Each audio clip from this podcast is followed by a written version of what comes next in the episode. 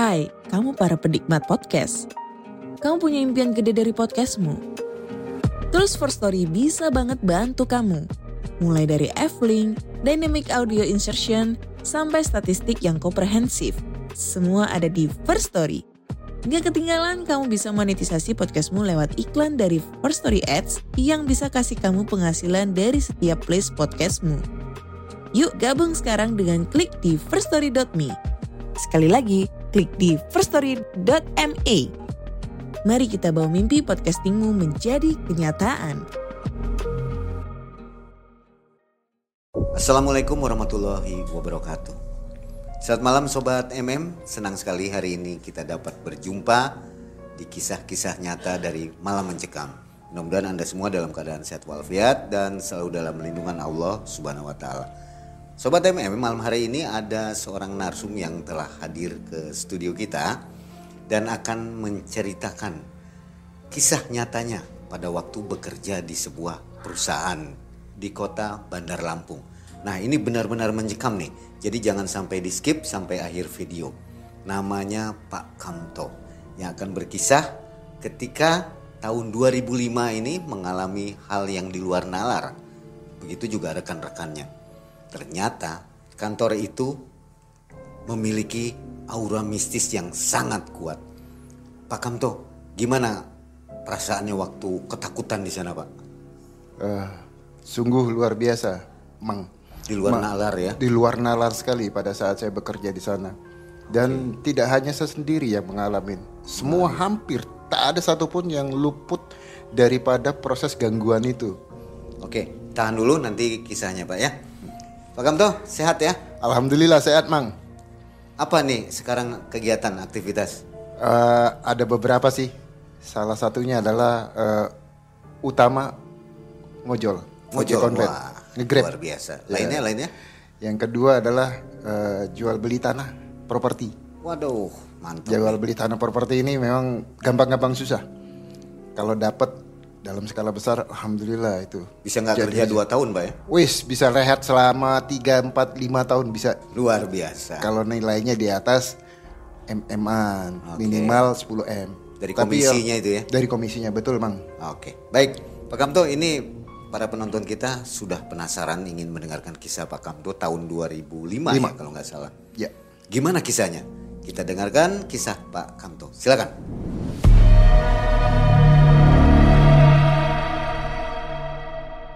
Saya mulai begini ceritanya. Uh, saya ditugaskan dari saya bekerja di suatu perusahaan tower company. Dalam hal ini adalah perusahaan yang pada saat itu cukup bonafit dan sangat diminati orang dan digandrungin banyak lulusan. Saya alhamdulillah bisa join dan bergabung di perusahaan ini namanya dan saya ditugaskan dari Jakarta di lapangan dalam hal ini karena di sana ada proyek yang harus ditanganin dalam hal ini membangun sekitar 150 sampai 180 tower provider. Jadi pada saat itu saya di dipanggil oleh atasan saya untuk diperbantukan di daerah. Dalam hal ini kota Bandar Lampung.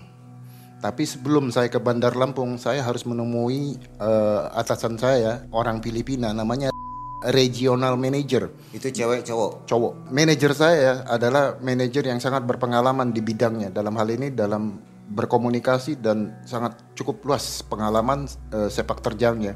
Jadi saya harus dari Jakarta harus terbang dulu ke Palembang menghadap beliau untuk minta restu bahwa saya datang ke beliau dan di selama satu dua hari di kota Palembang dan ditugaskan ke Bandar Lampung. E, namanya Alfred. Mungkin tidak berbau nama Alfred yang sebenarnya sebenarnya kalau saya sebut namanya adalah berbau bukan berbau Philippines tapi ini saya bilang Alfred karena saya akan samarkan sesuai tuntutan ya. uh, untuk menjaga privasi. Setelah saya ketemu sama atasan saya di kota Palembang, saya diajak berbicara, ditanyain, kamu nanti tugasnya adalah begini, begini, begini, begini. Dan saya nyatakan siap. Keesokan harinya saya diskejulkan untuk berangkat ke kota Bandar Lampung. Pada awal saya datang di kota Bandar Lampung, saya dijemput dengan driver. Driver yang biasa kalau ada tamu, kalau ada ada pekerja, karyawan, dia standby. Saya hubungin beliau. Namanya kita samarkan namanya Tohir. Baiklah, Pak Tohir ini mengantar saya ke kantor yang dituju yang sudah dipersiapkan untuk saya dan ditempati oleh saya.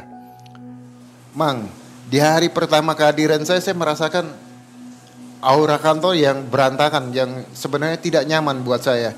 Karena saya butuh suatu tempat yang benar-benar nyaman buat bekerja. Karena ini memang kantor baru dan baru tiga hari di di kontrak dan di hire dan memang belum ditata secara rapi. Akhirnya kita putuskan malam itu kita hanya ngobrol saja dulu. Kita ngobrol bersama security dan Pak Anto Pak Tohir sama Pak Pak Yuswan kita mengobrol dari mana kita berada, asal kita dari mana, keluarga bagaimana, seperti itu kurang lebih. Tak terasa waktu sudah malam nih Bang. Dan saya belum dapat informasi apa-apa pada saat malam itu. Cuma perasaan hati memang beda. Memang terasa tidak nyaman karena masih berantakan dan penerangan pun belum belum rapi ya, belum sempurna ya. Memang lampu sudah kita beli, cuman kita belum sempat tata.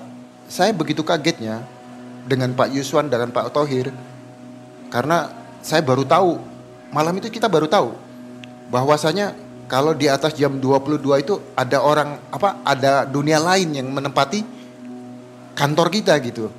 Dan itu keberadaannya. Nanti akan saya ceritakan ke depan pengalaman-pengalaman itu. Tapi khusus malam ini adalah seperti saya bilang ada suara orang menyalakan keran air kemudian ada suara orang mandi yang paling fatal seperti banyak orang beraktivitas di belakang sana dan kita tahu tidak ada orang di sana. Suara bicara yang kita sendiri tidak mengerti, tapi kita tahu ada pembicaraan di sana.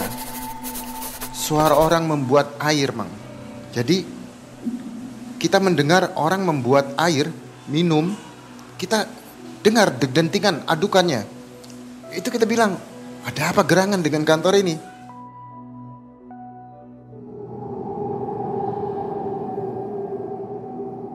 Hati kecil saya, gak bener ini kantor.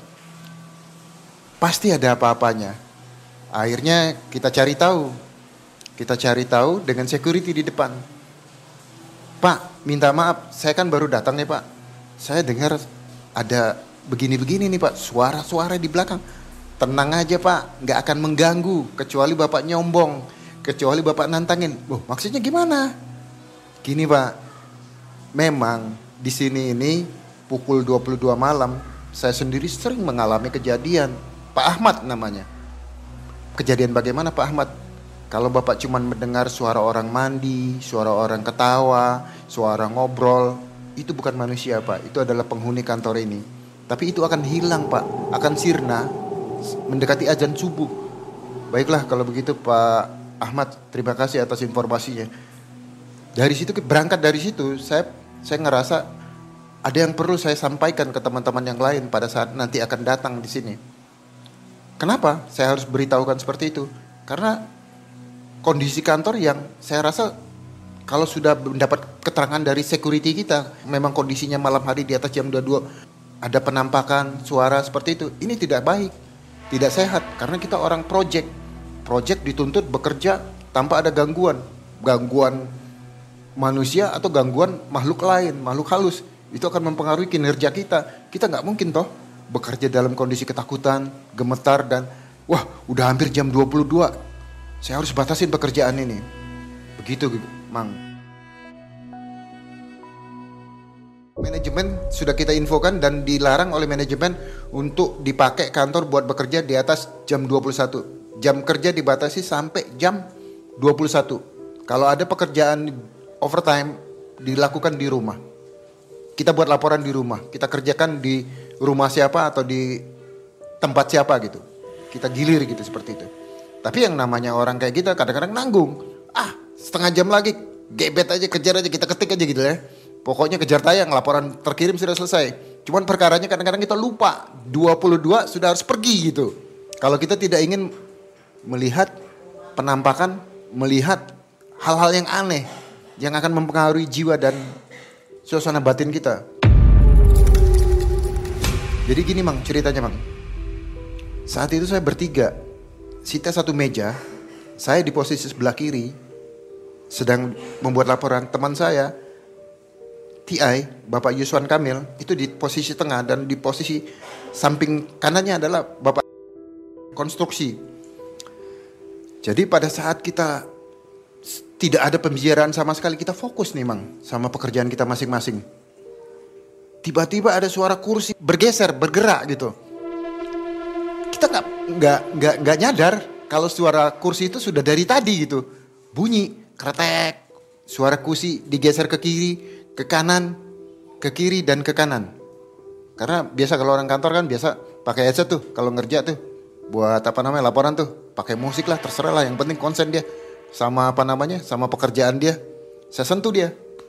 Hey bro Yuswan denger dulu itu. Ada suara apa di situ ya? Sebentar, dia dia copot lah itu. Headset apa earsetnya. Ah. Kan sudah dikasih tahu security, cuekin aja, kerja aja. Bro, udah jam 22.30 bro, setengah 11. Kita sudahi aja atau gimana? Tunggu setengah jam lagi, kita bertiga harus keluar dari sini bersama. Pun sama, cuekin aja, gak ganggu. Dia bilang cuma suara-suara gitu. Oke lah, saya penasaran pak. Di hari ketujuh ini, saya merasa ada yang pengen saya ingin tahuin. Apakah cuman penampakan suara tanpa penampakan atau bagaimana? Enggak, karena saya pulangnya begini Bang. Saya membatasi kerja saya sampai jam 8, jam 7. Sisanya saya kerjakan di rumah. Satu hal yang saya lupa adalah security. Jangan nantangin. Saya bilang, pakai bahasa Sunda. Saya karena diajarin juga. Teman-teman saya banyakkan orang Sunda. Woi, cicing, tong ganggu iya lagi kerja. Suara itu hilang Bang tiba-tiba hilang. Tidak ada suara satupun obrolan atau kursi itu. Begitu saya masuk kembali ke ke dalam, luar biasa emang suaranya bukan main super gaduh. Itu kursi bukan lagi bergeser tapi kayak dibuang, ditendang ke kiri ke kanan, benang betung benang betung. Itu yang namanya kuali tempat masak itu, Bang. Tang tang tang tang tang tang tang tang. Betul. Kalau bahasa security biarkan, jangan diganggu, jangan ditantangin. Karena saya penasaran, Mang, orang baru. Itu yang membuat kita takut. Teman saya negur saya. Men, gile lo men, udah dibilangin jangan ditantangin, udah dibilangin jangan ditegur, biarin aja. Udah kayak gini mah udah, kita balik. Setelah kita matikan komputer, kita gulung, kita pulang, kita bilang, maaf, silakan lanjutkan dunia kalian kita pulang. Seperti itu kurang lebih mang. Itu salah satu contoh. Belum. Satu setengah bulan atau dua bulan kemudian saya mengalami hal yang serupa kembali tapi beda. Ini sedikit lebih frontal dan sedikit lebih brutal. Ekstrim. Kenapa saya bilang ekstrim? Pada saat itu saya bertemu atasan saya yang di, yang menggantikan menggantikan posisi uh, regional manager di Palembang itu namanya orang Pakistan. Jadi beliau ini datang ke kantor menjelang maghrib juga sama jam limaan. Kita mengenalkan nama kita masing-masing dan divisi kita masing-masing gitu. Apa tugas dan tanggung jawab kita masing-masing.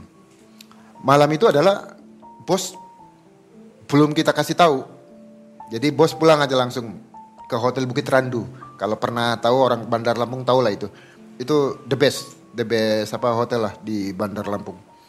Jadi malam ini kita kurang lebih lima orang.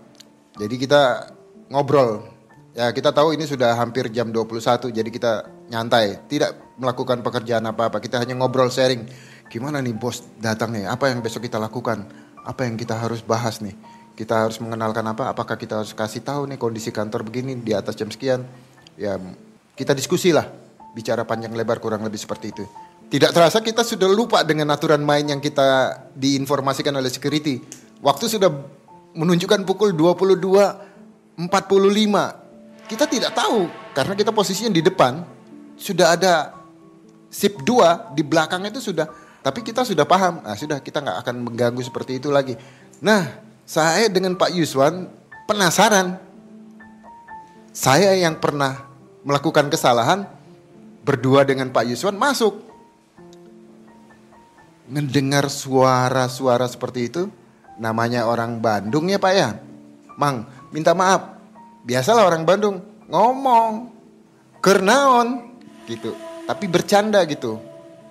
Saya melihat dengan Pak Yuswan dari balik dapur kitchen itu cep bayangan besar hitam pekat maju ke arah kita balik lagi Astagfirullahalazim bro jangan lagi kita lakukan seperti ini bro dia ngerti bro kalau kita ng ngajak ngobrol dia ngerti terganggu bu kalau dia terganggu kurang lebih seperti itu bro saya nggak mau bro takut ada yang menyusupi atau dia masuk ke tubuh kita. Nah itu lebih parah saya pikir. Udah bro kita balik aja bro. Kita izin aja pamit. Kalian yang izin saya tunggu di luar. Saya lanjutkan di depan. Saya tunggu ya. Bersama rekan-rekan. Kalau teman-teman banyak mang ceritanya. Yang paling parah kalau teman pernah mengalami apa? Gini mang.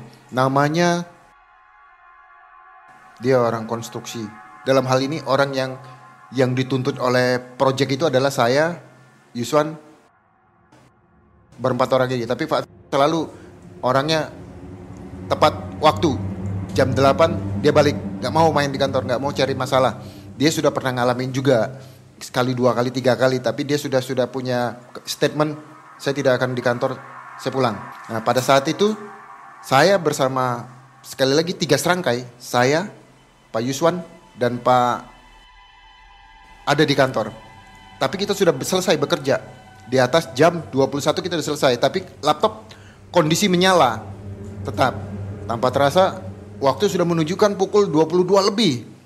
Memang terdengar, tapi kita sudah nggak peduli gitu karena kita sudah terbiasa lah mengalami hal-hal seperti itu ya, Mang ya. Jadi kita anggap angin lalu aja lah biasa. Nah pada malam ini, jadi saya dengan teman-teman saking asiknya ngobrol itu kurang lebih jam 22.30. Memang sudah ada seperti yang kita bilang, SIP 2 itu sudah hadir. Sudah ada dan sudah berinteraksi di belakang sana. Jadi Yuswan ini penasaran. Jadi kami bertiga itu pengen ngintip. Kalau kita jalan dari dari dari arah depan ke sana itu kurang lebih jalan ada 4 meter 5 meter 5 meter baru kita bisa melihat ke kiri dan ke kanan ruangan karena dia apa namanya posisinya lorong koridor ya pada saat kita lihat ke situ, bro, lu kan yang punya ilmu bro, jadi lu jalan duluan ya bro. Baik, kata teman saya Pak Yuswan. Ayo jalan, masuk kita. Oke, siap bro. Jadi kita pengen tahu nih Pak. Kita datang ke situ, kita langkahkan kaki kita bertiga. Bertiga nih Pak. Enggak, karena koridornya apa namanya besar ya lebar bisa berjalan bertiga berdampingan nggak ada masalah kita jalan bertiga nih yang namanya satu meter sebelum kita sampai ke situ, apa pun itu, baik itu bunyi, baik itu apa obrolan sekalian, silent pak, berhenti seketika pak, karena dia mungkin tahu ada kehadiran manusia. Saya bertiga ini bilang, gak ada apa-apa ya men. Iya, kok bisa ya? Kenapa harus seperti ini kita kita mengalami hal-hal seperti ini? Padahal kalau kita datang bertiga, kita lihat nggak ada apa-apa, silent, sepi, nggak ada, biasa saja, nggak ada hal-hal yang eh, ibaratnya supranatural, supranatural atau mistik seperti itu. Jadi kalau didekati hilang. Hilang. Sebentar, Mang. Itu hanya hitungan detik. Seperti kejadian dua, dua apa kedua yang pernah saya alamin. Pada saat kita balik badan, berapa langkah kita menuju ke arah depan, itu yang namanya pintu kamar mandi dibanting. Buar gitu. Itu yang namanya saya sampai jantung mau copot sampai yang namanya Pak Yuswan itu teriak sorry kelo sia kelo apa namanya saking kagetnya saking kagetnya dia seperti itu kita nggak lari, cuman balik badan lagi. Ya kata teman saya. Biasalah bahasa Bandungnya kental kan. Wih, saya bilang kalau udah kayak gini nggak bisa kita lawan model kayak gini. Dia marah. Udah ada kita kita keluar. Kemudian hari-hari berikutnya kita lalui pekerjaan ini, rutinitas ini. Ya biasalah namanya orang kerja jauh dari keluarga, jauh dari anak istri. Jadi ya kita ngerasa bujangan aja lah ada di kota lain gitu kan. Manajemen juga mencari ini mang apa namanya kantor baru. Itu kantor sebenarnya kita kontrak selama tiga tahun mang. Cuma karena kita sudah ada di dalam situ dan sudah memang terlibat aktivitas, terlibat bekerja, mau nggak mau kita pakai dulu lah. Di bulan keberapa, entah bulan kelima atau bulan keenam, saya punya pengalaman lagi yang rasa-rasanya ini beda dengan dengan yang saya alami dengan teman-teman yang lain. Dalam artian kata, saya mengalami pada saat itu sekali lagi namanya kita bekerja, kita kadang lupa waktu, Mang. Terus terang aja saya ngalamin lupa waktu. Kalau saya ada di rumah juga bisa sampai jam 2, jam 1 kita buat laporan itu. Dan saya rasa ini sudah hampir jam 22 tapi saya ber, sekali lagi kita bertiga nih. Ini selalu bertiga nih. Paling pulang malam karena dituntut laporannya malam hari juga harus terkirim gitu. Mereka besok meeting dipakailah apa namanya report yang kita kirim ke mereka, laporan yang kita kirim ke mereka. Jadi kita lupa nih, ternyata sudah sama kejadiannya di atas jam 22 juga. Kita memang mendengar apa suara-suara seperti itu, suara kursi bergeser, suara orang bicara, suara orang ketawa, suara orang cekakak cekikik, suara orang apa namanya berkomunikasi. Ada yang ditangkap nggak? Mereka ngobrol apa? Pernah ditangkap nggak? Kita coba dengar, mendengar apa bahasa apa yang mereka gunakan. Kita nggak pernah bisa ngedapatkannya bahasanya karena kita cuman seperti orang bicara. Apa pun yang kita dengar itu tidak jelas. Jadi seperti orang bicara aja tapi nggak jelas gitu percakapannya apa. Tapi ada kehidupan di situ kayak Seperti menggumam gitu ya menggumang model begitulah. Pada malam kejadian ini saya memang orangnya suka penasaran. Sekali lagi saya Yuswan dan sekali lagi Bapak ini yang paling sering mengalami kejadian-kejadian di kantor itu karena orang saya bertiga ini adalah orang yang sering pulang malam dan kalau kita sepakat tetap bertiga itu aman aman artinya bisa saya bisa menyelesaikan pekerjaan saya, Pak Yuson sudah selesai, dia akan nunggu laporan dari semuanya seperti itu. Kalau dia sudah selesai, sudah selesai, baru kita tutup, kita tinggalkan. Ternyata pada saat itu saya selesai duluan, jadi saya punya waktu rehat. Masih ada, wah udah jam berapa ya? 23 saya bilang. Tapi dengar saya di sana. Tapi saya, sekali lagi saya nggak terlalu mau saya perhatikan gitu. Saya keluar, mereka berdua saya tinggalkan saya keluar menemui security, buat kopi, ngerokok di situ. 15 menit kemudian teman saya menghampiri saya. Ada apa? Lu dengar gak tadi? Apa? Kita sini-sini gak kedengeran lah. Kan jauh jaraknya. Saya di luar, kamu di dalam. Air condition lagi kalian. Apa? Gak kedengar saya bilang. Sini masuk. Saya ditarik nih sama sama Pak ke dalam. Duduk. Matikan rokoknya Alah nggak ada siapa-siapa saya bilang masa matiin rokok cemen banget kita yang punya kuasa udah dalam kondisi air condition nyala kita ngerokok bener mang yang saya rasakan ada suara tangis nih mang. Tangis? Ini luar biasa nih. Nggak seperti biasanya. Saya penasaran. Bro tutup. Kita tinggalkan aja kantor. Tunggu dulu. Penasaran saya. Ini suara wanita masalahnya. Tangisan wanita, merintih dia. Seperti kesakitan, seperti minta tolong gitu, tangisannya beda. Kalau kita dengar suaranya seperti ini, Mas, apa namanya?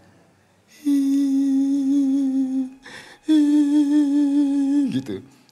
Itu terdengar sayup-sayup, tapi kalau kita diam, tidak melakukan aktivitas, suara itu membesar. Seolah-olah ada di ruangan tempat kita seperti ini. Ini luar biasa saya bilang. Tutup tutup komputermu. Eh keluar pulang kita.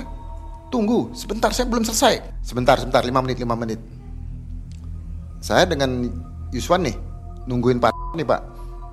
Tapi dengan asumsi saya biasalah namanya orang muslim memang harus punya penangkal ya. Saya punya kekuatan juga dalam artian kata saya kalau yakin hakul yakin mengucapkan surat al-ikhlas satu kali ayat kursi sekali itu yang paling belakangan. Saya cuma mengucapkan Bismillahirrahmanirrahim. Hanya tiga kali aja Hakul yakin mudah-mudahan hilang itu. Menurut saya ya Kalau saya yakin Tapi teman-teman saya nggak yakin Saya kasih tahu Udah men Ucapkan aja Auzubillahiminasyaitonirrajim Tiga kali Hakul yakin Matikan pekerjaan kita tinggal Cuma saya yakin Saya tidak mendengar Tapi mereka masih mendengar Beda pak jadi saya juga bingung. Saya tinggalkan lagi mereka ke depan. Ditarik sama teman saya, tinggalkan ke depan lagi ditarik. Nanti dulu, tunggu dulu. Baik, saya bilang. Makanya kalau nggak mau didengar yang gitu-gituan, saya nggak mendengar lagi. Saya bilang, kan sudah saya bilang. Maaf pak, yang satu ini teman saya non Muslim pak. Namanya saya juga sahabat, selalu dalam kondisi bersama, pulang malam bersama, jalan bersama, eh, berangkat bekerja bersama. Saya tungguin. Tangis itu terdengar lagi mang oleh saya. Waduh, saya bilang kok bisa gini, saya bilang. Kenapa ya? Saya bilang, saya penasaran, saya sudah melakukan yang terbaik nih. Sudah selesai nih, bro, gue udah selesai. Gue juga selesai. Yuk. Kita keluar dari ruangan, Pak. Saya bingung nih, Pak. Apakah saya harus melihat ke arah sana, ke arah belakang, atau langsung ke depan tanpa melihat ke arah belakang. Suara tangisannya sudah tidak ada pak. Tapi, cuk teman saya, bro, nggak ada suara tapi bulu-bulu bulu apa namanya merindingnya ada terasa. Iya gue juga ngerasain, tapi gue tadi sih enggak sih beberapa saat sempat nggak ada, nggak gue rasain. Saya bilang nggak ada ini. Berani nggak lu lihat belakang? Saya tantang teman saya. Apain lah cari penyakit? Saya jalan saya Pak di depan, Pak Yuswan di tengah, saya di belakang orang yang terakhir nutup pintu dan saya palingkan pandangan saya ke arah belakang. Saya kaget, Pak. Saya melihat bayangan hitam besar. Sup, gitu. Saya langsung mengucapkan Astaghfirullahaladzim A'udzubillahi minasyaitonirrajim A'udzubillahi minasyaitonirrajim A'udzubillahi minasyaitonirrajim Dengan harapan Dia tidak masuk ke saya Berapa meter itu tingginya?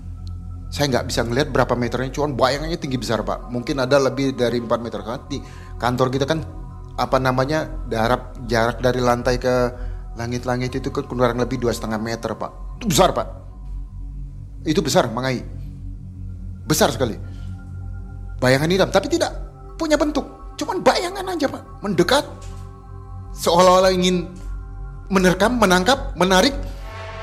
Tapi secepat kilat saya bacakan Auzubillahiminasyaitonirrajim. Selam tiga kali saya ucapkan itu, set, pray hilang. Tapi saya duluan jalan, saya dahului teman saya, Pak Yuswan sama Pak Pak Yusman pun mengalami hal yang sama. Dia penasaran kenapa Kamto jalannya cepat sekali. Akhirnya dia palingkan ke belakang. Tuh, dia melihat bayangan itu juga. Perempuan itu ada di situ, Pak. Dia tidak mengucapkan apa-apa. Lari dia, Pak, seperti kayak anak kecil ketakutan. Pet! Perempuan yang ini. Perempuan dan bayangan hitam itu. Si ngelihat Yuswan lari, penasaran Kamto udah di depan, Yuswan sudah duluan, dia balikan buka juga, dia ngelihat itu juga.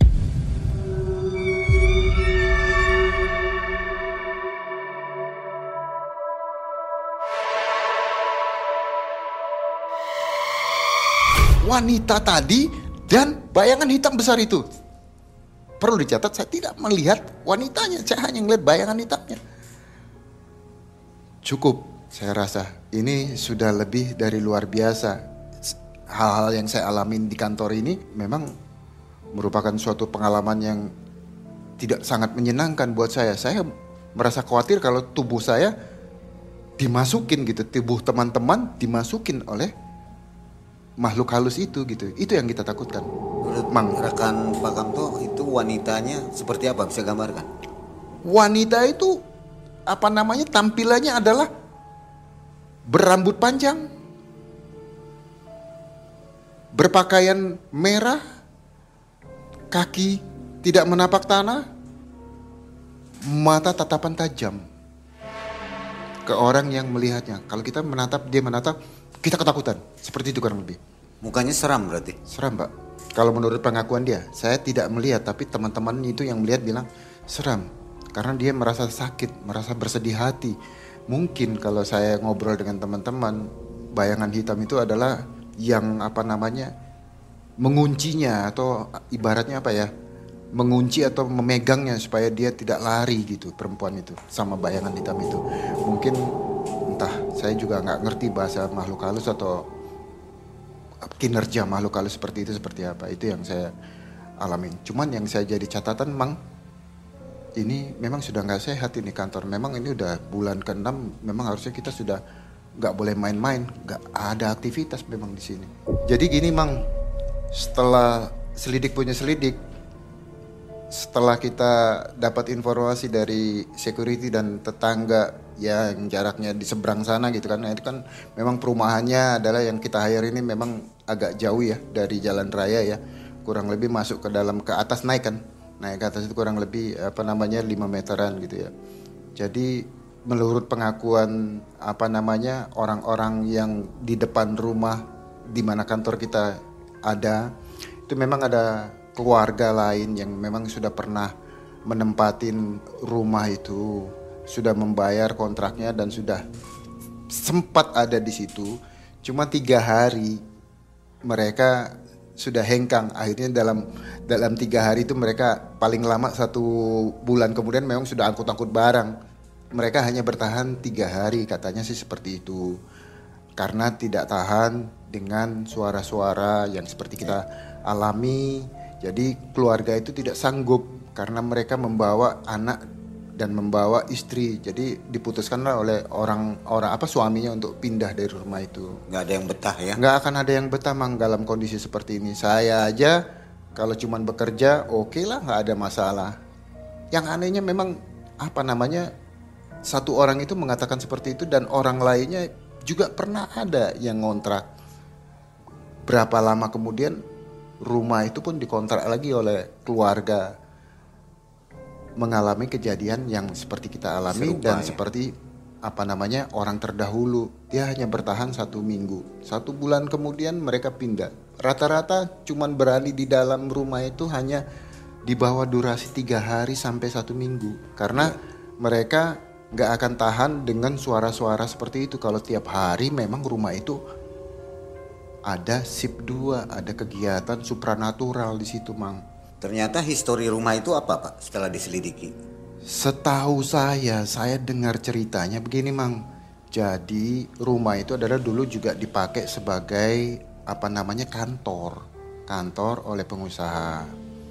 Entah kenapa, mungkin saya sih ngerasa informasinya adalah pengusaha ini maju, dia punya kompetitor nih, Mang.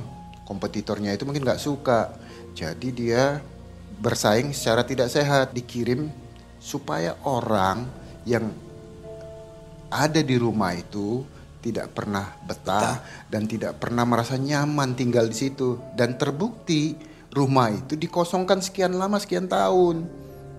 Dan pengusaha itu juga apa namanya meninggalkan rumah itu karena dia mungkin sudah coba. Sampai bangkrut mungkin. Sampai bangkrut dia pindah ke Jakarta. Yang saya tahu dia pergi berusaha ke Jakarta. Rumah itu ditinggalkan dikasihlah kepercayaan sama security di area tersebut. Pak kalau ada yang mau ngontrak hubungin saya. Nanti Bapak dapat komisinya. Sekian sekian sekian. Kurang lebih seperti itu Mon. Jadi kalau kita lihat sejarahnya mungkin rumah itu adalah dijadikan tempat pesaing bisnis sehingga bisnisnya hancur. Luar biasa kisahnya ini. Jadi adrenalin terus ya setiap di situ.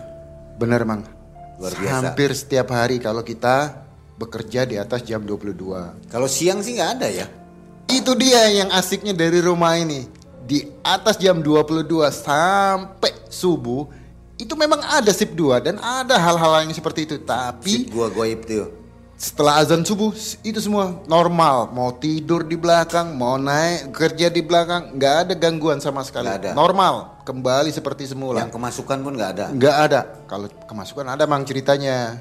wanita tentunya teman Siang. kantor malam pastinya tapi nggak sampai jam 10 jam 9 atau jam 21 pernah dia tapi karena dia kondisi melamun mang Apa itu yang diucapkan ketika kemasukan? bahasanya nyeracau kamu yang bikin saya berantakan kamu akan saya keluarkan dari rumah ini. Kamu yang akan saya buat tidak nyaman di rumah ini. Rasakan pembalasanku. Seperti itu. Tapi perempuan ini tidak sadar bicara seperti itu. Di sebelah depan itu ada orang yang ngerti pintar, Orang pintar. macam kiai. Disembuhkan sama beliau. Jadi di apa namanya dibawa ke dia terus dibacakan Dikeluarkan, apa ya? dikeluarkan modelnya kayak gitu itu pernah satu kejadian memang perempuan namanya kita samarkan saja anggap aja ibu Lina dia memang pernah kemasukan dan memang pernah bicara tentang rumah itu Ya, oke, baik. Nah, sobat MM, kisah yang sangat luar biasa nih. Saya juga mendengarnya merinding, membayangkan seperti apa rumah itu ya. Akhirnya Pak Kamto pulang setelah 9 bulan. oh enggak tetap kita kerja di Masih Bandar di? Lampung oh enggak tetap di kota Bandar Lampung tapi kita nge-hire kantor lain Oh, kantor, itu tutup sampai kan- di situ. kantor kita kita kita, Pindah eh, ya? kita pindah kita move dari kantor lama ke kantor baru karena divisi kita sudah mendapatkan ruang kantor yang bagus yang sudah tertata meja sudah. Nyaman sudah lah ya. nyaman light penerangan sudah oke eh, semuanya sudah Udah tinggal ada tinggal bawa badan goib. masuk sudah selesai gua itu goib benar nggak ada. tidak ada alhamdulillah di situ sampai saya berakhir di 2009 di Bandar Lampung dari 2006 eh 2005 sampai 2009 di Bandar Lampung. Di kantor lama saya hanya bertahan kurang lebih 9 bulan. Di kantor yang baru itu cukup lama kita di sana nyaman kondisinya. Oke. Nggak ada gangguan setelah itu ke rumah ikut mungkin? Alhamdulillah enggak Mang. Saya saya punya keyakinan satu Mang. Seperti saya bilang saya ingat Ustadz Khalid Basalamah bilang manusia itu lebih tinggi derajatnya daripada makhluk lain makhluk gaib jadi kalau memang dia hadir dan menam- melakukan penampakan itu tidak mungkin tapi kalau kita mengalami ada rasa seperti itu cukup hakul yakin mengucapkan auzubillahi minasyaitonirrajim sebanyak tiga kali sudah itu Ah, Oke. Selesai. Nah, itu pesan dari Pak Kamto ya. Tadi udah dikasih tipsnya tuh. Iya. Mudah-mudahan bermanfaat untuk kita semua. Silakan Amin. dipraktekkan. Terima kasih kisah yang sangat menarik dan Sama-sama. menjadi bahan renungan untuk kita bahwa hati-hati dengan rumah yang besar, bagus, ya selidiki dulu sebelum mengontrak. Mungkin gitu ya. Setuju Baik. asal usulnya jangan main asal kontra aja jangan main asal jadi aja Murah nih, jadi nih. Karena Iya. bagus, mungkin gitu kurang ya. lebih seperti itu mang sebaiknya Pak Kamto, terima kasih banyak. Saya Mang Ai dan tim undur diri. Sampai jumpa di video selanjutnya. Assalamualaikum warahmatullahi wabarakatuh. Waalaikumsalam warahmatullahi wabarakatuh